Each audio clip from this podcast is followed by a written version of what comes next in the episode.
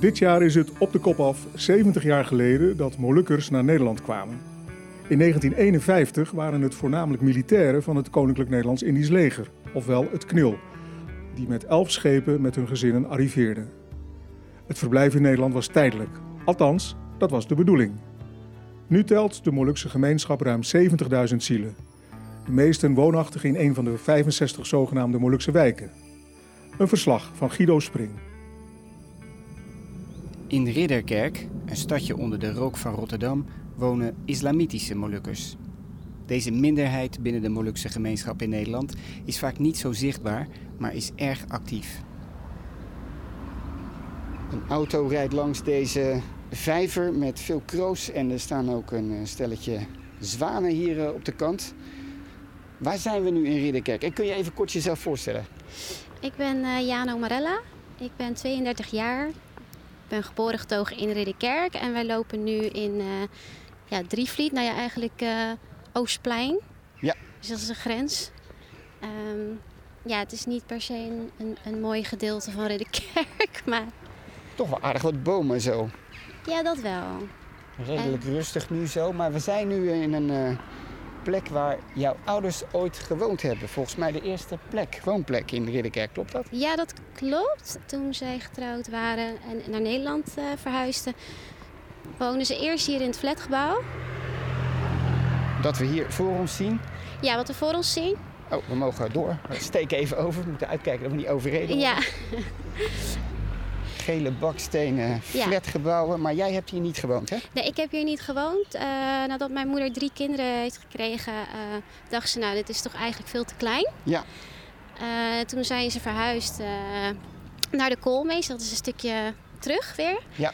En het is gewoon een rijtjeshuis. Daar gaan we nu ondertussen naartoe wandelen. ja. Leg nog even uit de geschiedenis van je ouders. Want je vader is daar geboren en op de boot als kind hier gekomen volgens ja, mij. Ja, op de boot uh, hier gekomen. Dus zijn vader was bij Kneel waarschijnlijk? Ja, uh, mijn moeder, ook haar vader en haar opa.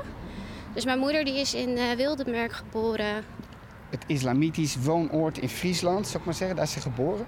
Ja. Maar teruggegaan naar Indonesië. Maar zij is teruggegaan met het hele gezin. Met het hele gezin? Ja, dus zij is verder opgegroeid daar. En jaren later hebben mijn ouders elkaar weer ontmoet in Tuleu, te Molukken. Okay. Toen zijn ze eigenlijk, hebben ze besloten om te gaan trouwen en ja. uh, hier naartoe te verhuizen. Want mijn vader dacht, ja, hier heb je een betere toekomst. En zo hebben ze eigenlijk... Uh, ja, zijn ze eigenlijk een gezin gaan stichten hier. Ja. En uh, naar Ridderkerk verhuisd. Ja, en waarom Ridderkerk? Hebben ze dat ooit gezegd? Of je vader woonde hier al eerder? Nou ja, er waren twee plekken waar uh, islamitische Molukkers eigenlijk geplaatst werden. En dat is Ja. dus in uh, Waalwijk en in Ridderkerk. Dus zij zijn hier gaan wonen, mijn opa en oma. En hier hebben ze ook meteen uh, een moskee uh, laten bouwen Ja. met z'n allen. Dus uh, ja, hier heb je dus eigenlijk ook gewoon echt een gemeenschap wonen, maar niet echt in wijken verder. Niet echt. Maar het voelt wel zo. Ja. Wel tussen de Hollanders, maar wel in Tussen aantal eh, zijn ja. het aardig wat. En je kent elkaar ook gewoon goed. Ja. Dus uh, iedereen is ook gewoon, wordt beschouwd als familie. Ja. Maar je bent hier echt geboren en getogen. Hoe was het in Ridderkerk op te groeien? Ja, ik heb wel een fijne jeugd gehad eigenlijk. Uh, heel veel nationaliteiten wonen hier sowieso. Ja, ik vond het wel gewoon prettig. En uh, we wonen gewoon in een gemeenschap. Dus je hebt dan ook heel veel neven en nichten waar je dan mee omgaat. En dat zijn dan ook misschien wel je vrienden of zo. En dan je hebt bijna niet eens vrienden nodig omdat je al zoveel een grote familie hebt. ja, Ja. het was gewoon heel normaal om dan met je nichten te gaan hangen of zo. Ja, ja, Eh, ja. het was ook altijd druk bij ons, want er kwamen altijd uh, uh, wel mensen over de vloer en we waren al een groot gezin. Dus ja, de kerk is altijd een beetje druk bij ons thuis. Ja. Leuk of niet leuk? Ja, superleuk. Maar nu ik wat ouder ben, uh, is het allemaal een beetje veranderd. Mensen gaan natuurlijk uit Ridderkerk. Ja. En de sfeer is gewoon heel anders geworden, veel rustiger. En Mm. ik heb het idee dat er niet zo heel veel mensen meer hier wonen. Het is Of nu op straat ook zijn. rustig. Het is, uh, maar goed, het is misschien ook in de zomer rustiger dan Het anders. is natuurlijk ook vrijdag. Ja, ik weet het uh, niet. Mensen zijn aan het werk misschien. Uh. Ja. Nee, ja, dit is eigenlijk gewoon wel echt Ridderkerk zo rustig, moet Ja. ik zeggen. Ja. Maar je zegt veel Molukse mensen van de jongere generatie zoals jij zijn weggetrokken uit Ridderkerk. Jij eigenlijk ook. Ja, op een gegeven moment had ik zoiets van... eh Ridderkerk is te klein voor mij, denk ik. En ik zat natuurlijk ook op school in Rotterdam. Ik werkte in Rotterdam. En toen dacht ik... Ja, ik moet toch echt mijn eigen plekje vinden nu. Ja, ja. En het huis werd op een gegeven moment voor mij ook te vol. Dus het was tijd voor verandering. En, eh, maar ook al ben ik verhuisd, ik vind het altijd wel weer prettig om hier te komen. eh, als ik lang weg ben geweest of zo. Of gewoon bij mijn moeder te zijn. Dus het is wel mijn basis nog steeds. Ik zou hier alleen niet echt meer kunnen wonen. En geldt dat voor je broers en zussen bijvoorbeeld ook? Zijn die ook vaak weggegaan uit Ridderkerk? Ja, zij zijn ook allemaal weggegaan. Ik denk eh, voor mijn broer die nu in Capelle woont. Ja, hij Oh, in de wijk, hè? In de, in de wijk. wijk ja, in, zij eh, zijn eh, onlangs verhuisd naar de wijk. Ja, Ook een van de weinige moslims eigenlijk, dus dat is ook wel Ja. eh, ja. bijzonder. Maar mijn schoonzus eh, heeft heel veel familie daar zitten. Maar zij hebben natuurlijk kinderen, dus ik denk... Voor hen is het misschien een beetje anders. Dit is wel een kindvriendelijk dorp eigenlijk. Ik denk dat hij eh, het wel zou kunnen. Maar nee, ik denk iedereen eh, staat er een beetje hetzelfde in zoals hoe ik erin sta. ja. En je moeder leeft natuurlijk nog naar eh, haar huis lopen we toe. Maar je vader is al in 2013 overleden. Ja, we zijn er echt bijna hoor. We zijn er bijna. Oké. Ja, kijk, het is echt daar. Smalle eh, achterpaadjes. Oké. Zien we het huis al? Ja, de lamp- zie, zie je de lantaarnpaal daar verder? Ja. Ja, dat, dat, dat, dat is het huis. dat is het huis. maar, Ja. Rode daken. Ja. Rijtjeshuis. Mooi.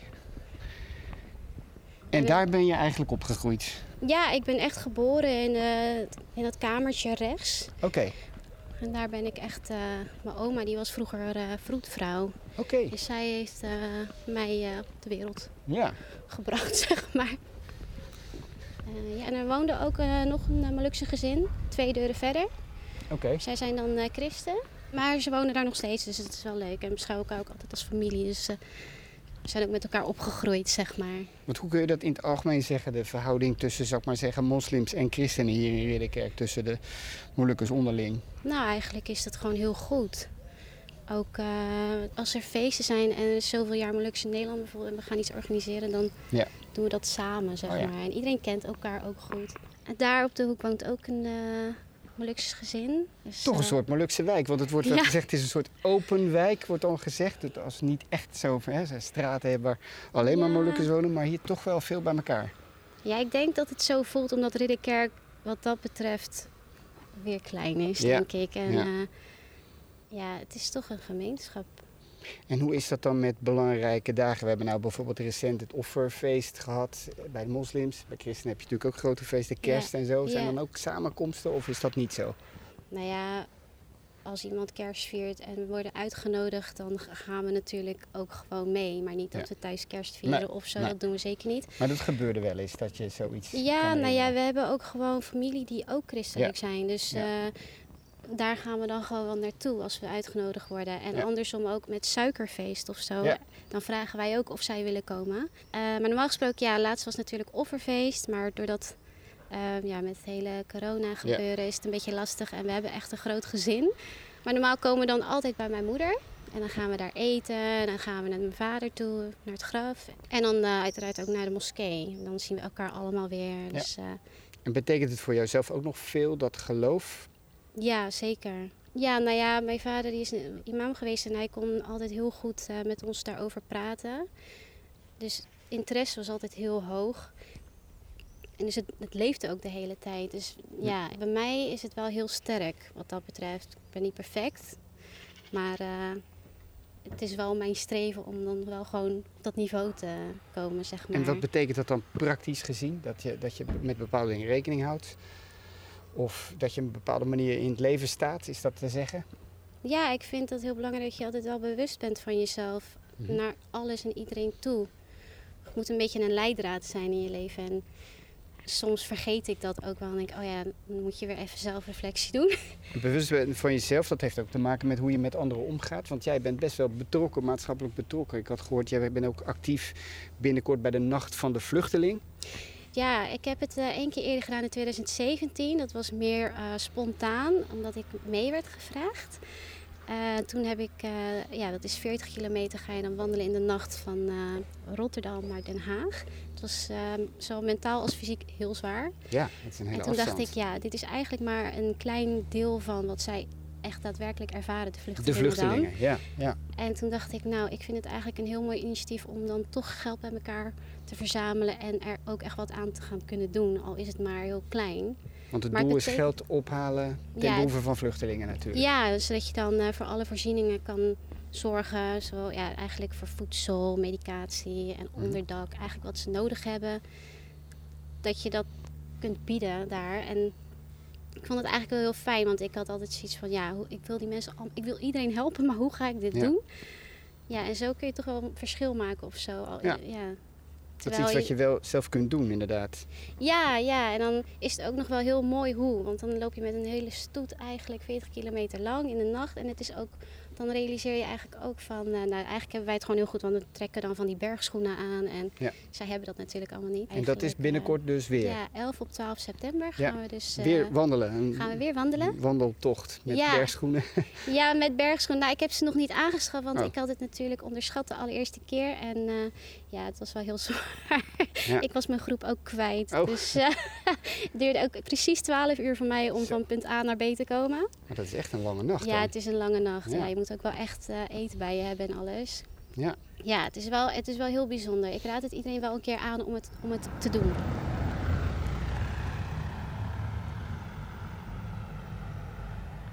Hey, Smekom. Vraag ja. Jij, eh, to- toen jij, eh, wil jij misschien wat vertellen over de inzameling voor op de Molukken? Daar heb jij toch eh, aan meegedaan met Sofia toen? Hallo. We zijn inmiddels bij Jana's zus beland nu bij het ouderlijk huis. Kun je even kort zeggen wie jij bent? Ik ben Vitro Morella en ik ben eh, Jana's zus. Ja. Je Ja. kan als aanvulling nog iets vertellen over jouw inzet een paar jaar geleden eh, voor de Molukken. Waar ging dat om? Dat ging over dat eh, de Molukken getroffen werd door een aantal aardbevingen. En dat was dagelijks met een, zo, ja, met op een schaal van Richter. In ieder geval dat het herhaaldelijk voorkwam. En daar, eh, dat raakte iedereen. Want er waren slachtoffers Er waren natuurlijk. heel veel slachtoffers. En de mensen werden ook eh, verplaatst naar eh, hogere gelegen gebieden. En eh, ik heb toen met eh Sophia van Manen een actie bedacht waarin eh, iedereen eh, die daar zin in had een soort bruggenloop kon doen. En tijdens die bruggenloop, dus eigenlijk van de Willemsbrug en dan weer In langs de Rotterdam natuurlijk. boompjes en de Erasmusbrug. boompjes. Om in die te- kort, korte tijdsbestek geld op te halen. En met dat geld dat we weer de opbouw, eh, in ieder- geval financiën bij elkaar konden brengen. Om, eh, en er waren ook andere initiatieven. Dus op het moment dat het geld bij elkaar was, kon dat geld ook daar gebracht worden. Ja, en Omdat- waar werd dat dan voor ingezet? Want wat is dan wederopbouw? Is dat echt Eh, opbouw nou, van gebouwen en zo? Ja, we hadden natuurlijk gehoord dat de huizen beschadigd waren. Ja. Eh, ook de dorpen die getroffen waren, die, eh, de publiekelijke gebouwen, de moskeeën, de kerken. Ja. Dus was, eh, iedereen was getroffen. Toen En dus eh, werd er veel, eh, ja, jullie voelden veel verbondenheid met de mensen daar natuurlijk, hier ook. Zeker, want je voelde je zo machteloos. Dus je wilde Ja. echt iets kunnen doen. Ja. En ja, dit was het minst waarschijnlijk wat we konden doen. En flink wat geld opgehaald. Ja, voor, voor zo'n. eh, voor zoiets wat, wat, wat je eigenlijk zo bedenkt aan de telefoon. Ja. Het is een, een, eh, mooie actie geweest. We rijden in de auto, maar we zijn er bijna, Jana, want dit is de plek waar we nu willen zijn. Waar zijn we precies? Ja, we komen nu net aan bij begraafplaats Vredehof. En dan laat ik even zien waar mijn vader begraven ligt. En eh, ook eh, de rest van de gemeenschap die hier ook ligt. Want we hebben hier een stukje grond die voor ons eigenlijk gereserveerd is. Ons als in de...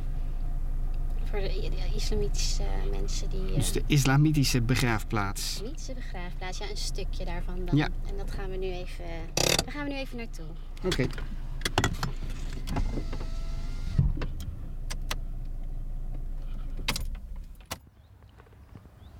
Het is een eh, mooie plek, eh, deze begraafplaats. Ja, ja, we komen nu eigenlijk aan bij het islamitische gedeelte. Het is een hele grote begraafplaats, moeten we even vertellen, waar een stukje dus is bestemd voor, uh, ja, als islamitische begraafplaats. Ja, nou hier, uh, ik omschrijf het even, hier zie je een soort heuvel, verhoging. Ehm, dit is dus eigenlijk allemaal uh, het islamitische gedeelte. En daarachter ook, wat dat lagere stuk. Daar is het waarschijnlijk begonnen en dit is erbij gekomen. Oké. Okay. liggen voornamelijk eigenlijk ook mensen uit de gemeenschap, leukers uit de gemeenschap. Uh, maar inmiddels is dat nu ook gemixt natuurlijk, want het is voor iedereen bedoeld die op de islamitische wijze begraven en wil daar zijn de Molukkers een onderdeel van nu, Juist. zou ik maar zeggen. En dan komen we nu eigenlijk aan bij het graf van mijn vader. Even kijken hoor. Uh, het is daar uh, Haji Abdul Samad. Ja, dit is dan mijn vader. Ja, lees eventjes wat er staat. Hier rust uh, Haji Abdul Samad, geboren te Leeuwen in 1611 1942. Hij is overleden in Amsterdam, 1912-2013. Uh, mijn lieve man, vader en grootvader.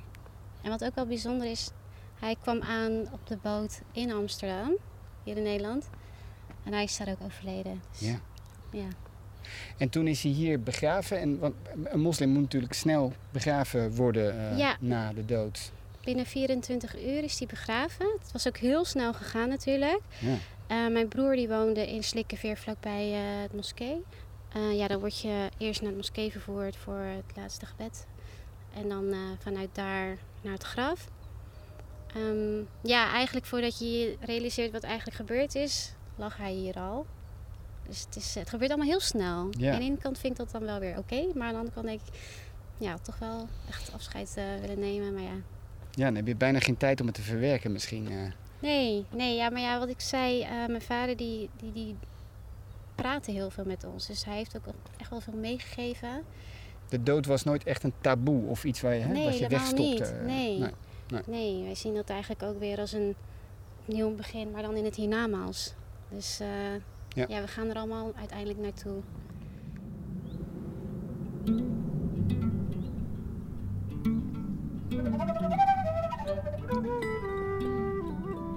De islamitische gemeenschap in Ridderkerk pleit sinds kort voor een beschermde status van de Molukse graven. Dat vertelt moskeebestuurder Janna Olong. Wij zijn met de gemeente in onderhandeling over uh, om de, de graven van onze eerste generatie vaders en hun echtgenoten een beschermde status uh, te geven. Specifiek? Omdat uh, ja, onze vaders en moeders zijn hier naar Nederland gekomen of gehaald. En uh, zijn niet zo netjes uh, behandeld, om het uh, maar even ja. zo te noemen. Ja. Um, zij hebben nooit meer een soldij uitbetaald gekregen. Ze hebben niet van een pensioen kunnen genieten. Terwijl andere militairen, Nederlandse militairen, dat wel hadden. Ja. En het is ook een soort ereschuld, vind ik, dat de overheid heeft aan onze eerste generatie.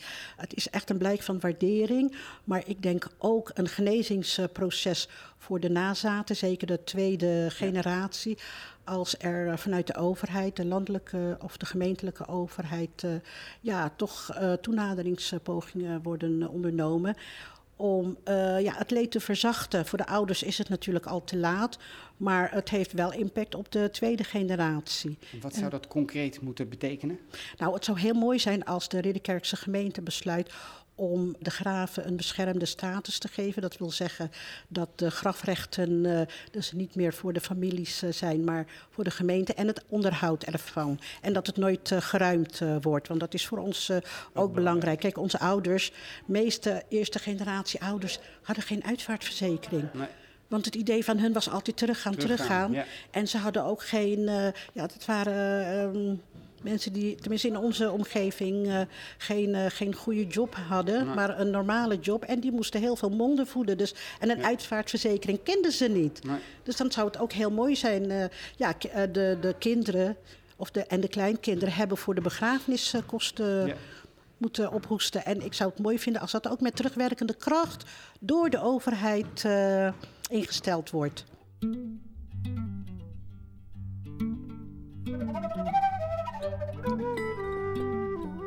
Behalve islamitische Molukkers wonen er ook veel christelijke Molukkers in Ridderkerk. Naar een van hen is onlangs een straat vernoemd, Koosje Ayal, die jarenlang in Ridderkerk woonde tot ze een paar jaar geleden overleed. Zij werd geboren op de Molukken, maar groeide op bij een oom en tante in Nieuw-Guinea.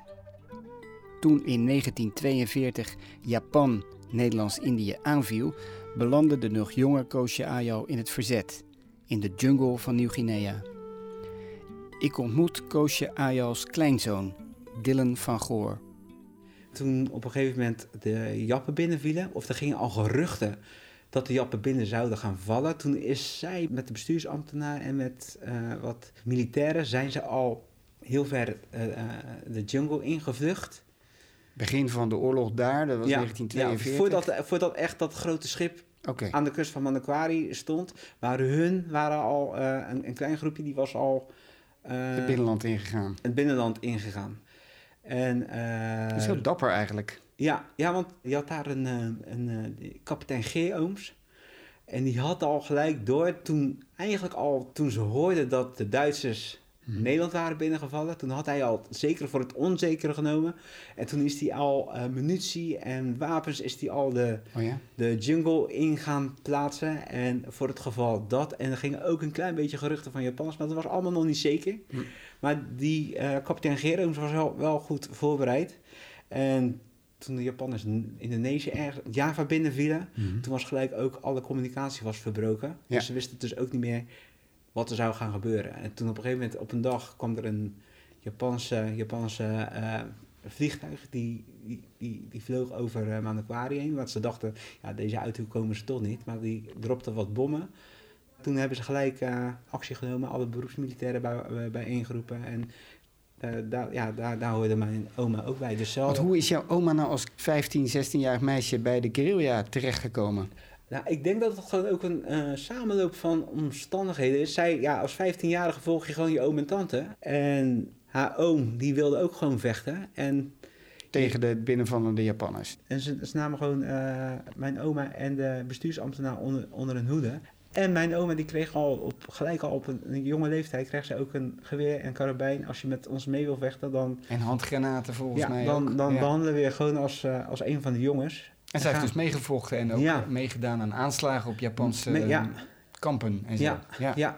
Heeft zij daar zelf ooit iets over verteld tegen jullie? Ja, ze heeft meerdere verhalen daarover verteld. Ook, uh, zeg maar, uh, zeker aan het begin, toen waren ze nog heel erg fel. Hadden ze continu verrassingsaanvallen. Ja. En ze, ze zag ook dat die, uh, ja, die jongens, die ook, uh, ook de militairen, die, die gingen er ook kwijt voor. En dan de Japanners weer bestoken. Maar naarmate de tijd vorderde en de werden mensen ziek, soldaten werden ziek. Ze vochten tegen de Japanners met verrassingsaanvallen, maar het was ook, ze vochten ook vooral tegen, tegen de jungle en tegen de ziektes. Maar ik had het toen al ging eten met Marjolein dat ja, beriberi. Men deed al helemaal met wond en zo, weet je. En malaria, elke keer koude rillingen, hoge koorts. Dus we moesten maar lopen, lopen, lopen. Ja, opdracht, om moeten lopen. En toen op een uh, dag, ik kon niet meer lopen. Ik was helemaal op. Ik kan met mijn voeten niet eens... No, mijn oom was wel sterk hoor. Dus, dus ook een keer is het bivak van mijn oma is overvallen. En mijn oma was toen toevallig uh, zichzelf aan het baden hmm. in de rivier. Haar oom en tante werden, werden gevangen genomen, die zijn onthoofd. En toen is zij op haar blote voeten, tweeënhalf dag of drie dagen, is zij gaan rennen, biddend en rennen, met de Japanners op de, op de hielen. En ze wist wel dat het vorige bivak was een week verderop. En uiteindelijk, ja, na, na drie dagen rennen, uh, vond ze toevallig een, een. Maar je wist ook nooit of het een uh, was die trouw was of die uh, voor de vijand was. En mijn oma had toen gevraagd van, ehm, heb je mijn andere groep gezien? En toen zei die papa, ja, die heb ik gezien, dus drie dagen verderop. En toen uh, zei mijn oma, ja, kan je ze halen? Maar ja, dat zijn hele goede spoorzoekers natuurlijk. Dus zij zei, ja, ik kan ze wel halen, maar dan moet je hier wel wachten. Dus mijn oma heeft hij ook aan, die waterrand, heeft ze volgens mij twee dagen zitten wachten. Maar die gast had, dus die papa had wel uh, die groep gevonden. En uh, had wat soldaten meegenomen. En toen is mijn oma is bij die andere bivak aangesloten. Ja. het is ongelooflijk dat ze het overleefd heeft eigenlijk. Ja. Hè? Want er zijn zoveel mensen, haar oma en tante, maar heel veel mensen zijn, uh, ja, er zijn om het leven ja, gekomen. Ja, er zijn van, van de 150 man die erbij hoorden, daarvan zijn er nog maar 15 daarvan hebben het overleefd.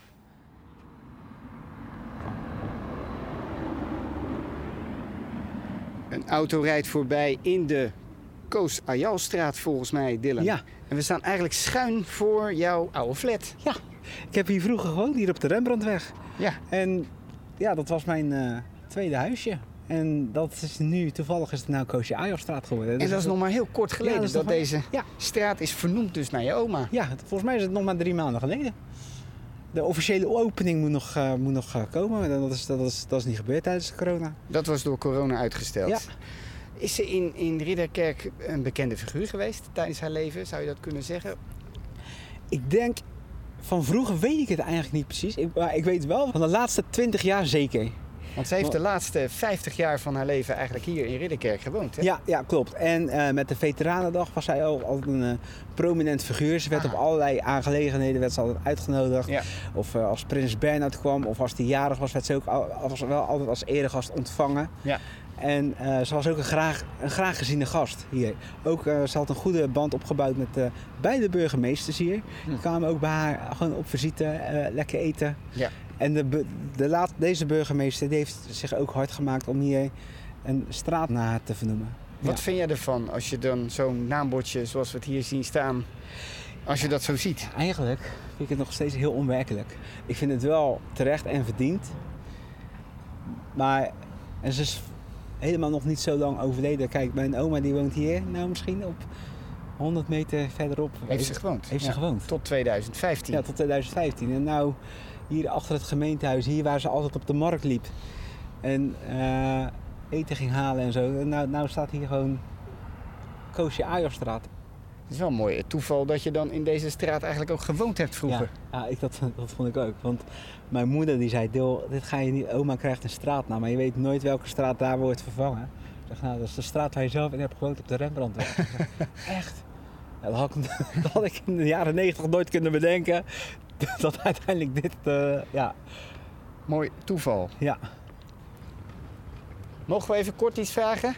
Heel kort, want ik heb niet spul bij me. Dus. Weet u wie Koosje Ayal was? Want deze straat heet sinds heel kort Koos Ayal. Dat weet ik. Ja. Ja? Wie Ja. was zij dan? Verzetsheld uit eh, de Tweede Wereldoorlog. Tenminste, de Japanse. eh, ja. U weet Ja. het heel goed. Ja. Ja. Ja, En- ik heb een hele hoop uh, Ammonese vrienden. Dus Ah, dan, eh, ja. Ja.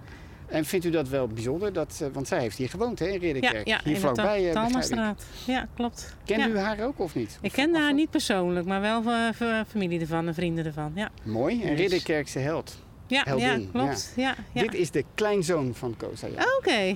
Hallo? Het is wel een mooi idee, toch? Dat het Ja, een, ja, zeker, iemand die hier ja. heeft gewoond. eh, Ja, ja. En u woont hier vlakbij ook? Ik woon hier vlakbij, hierachter. Ja, ja. Mooi. Dus, eh, ik heb hier vroeger ook gewoond, op het hoekje daar beneden. Op deze straat? En dan wel aan de Ja, Rembrandtweg, maar Ja, ja, ja. Dus eh, ja, oké, ja, oké, ja. ja, ja. Dat is lachen. Dat is toch leuk? Deze aflevering van de podcast Molukse Wijken, Eiland in Polderland, is gemaakt door Guido Spring. Een project van stichting Sonodox. Aan deze serie werken mee Victor Jozef, idee en productie, Guido Spring en Sam Jones, verslaggevers, Rob Gerritsen, audio-nabewerking, Magda Augustijn, distributie en mijn naam is Rocky Tuhuteru. Kijk voor meer informatie op moluksewijken.nl.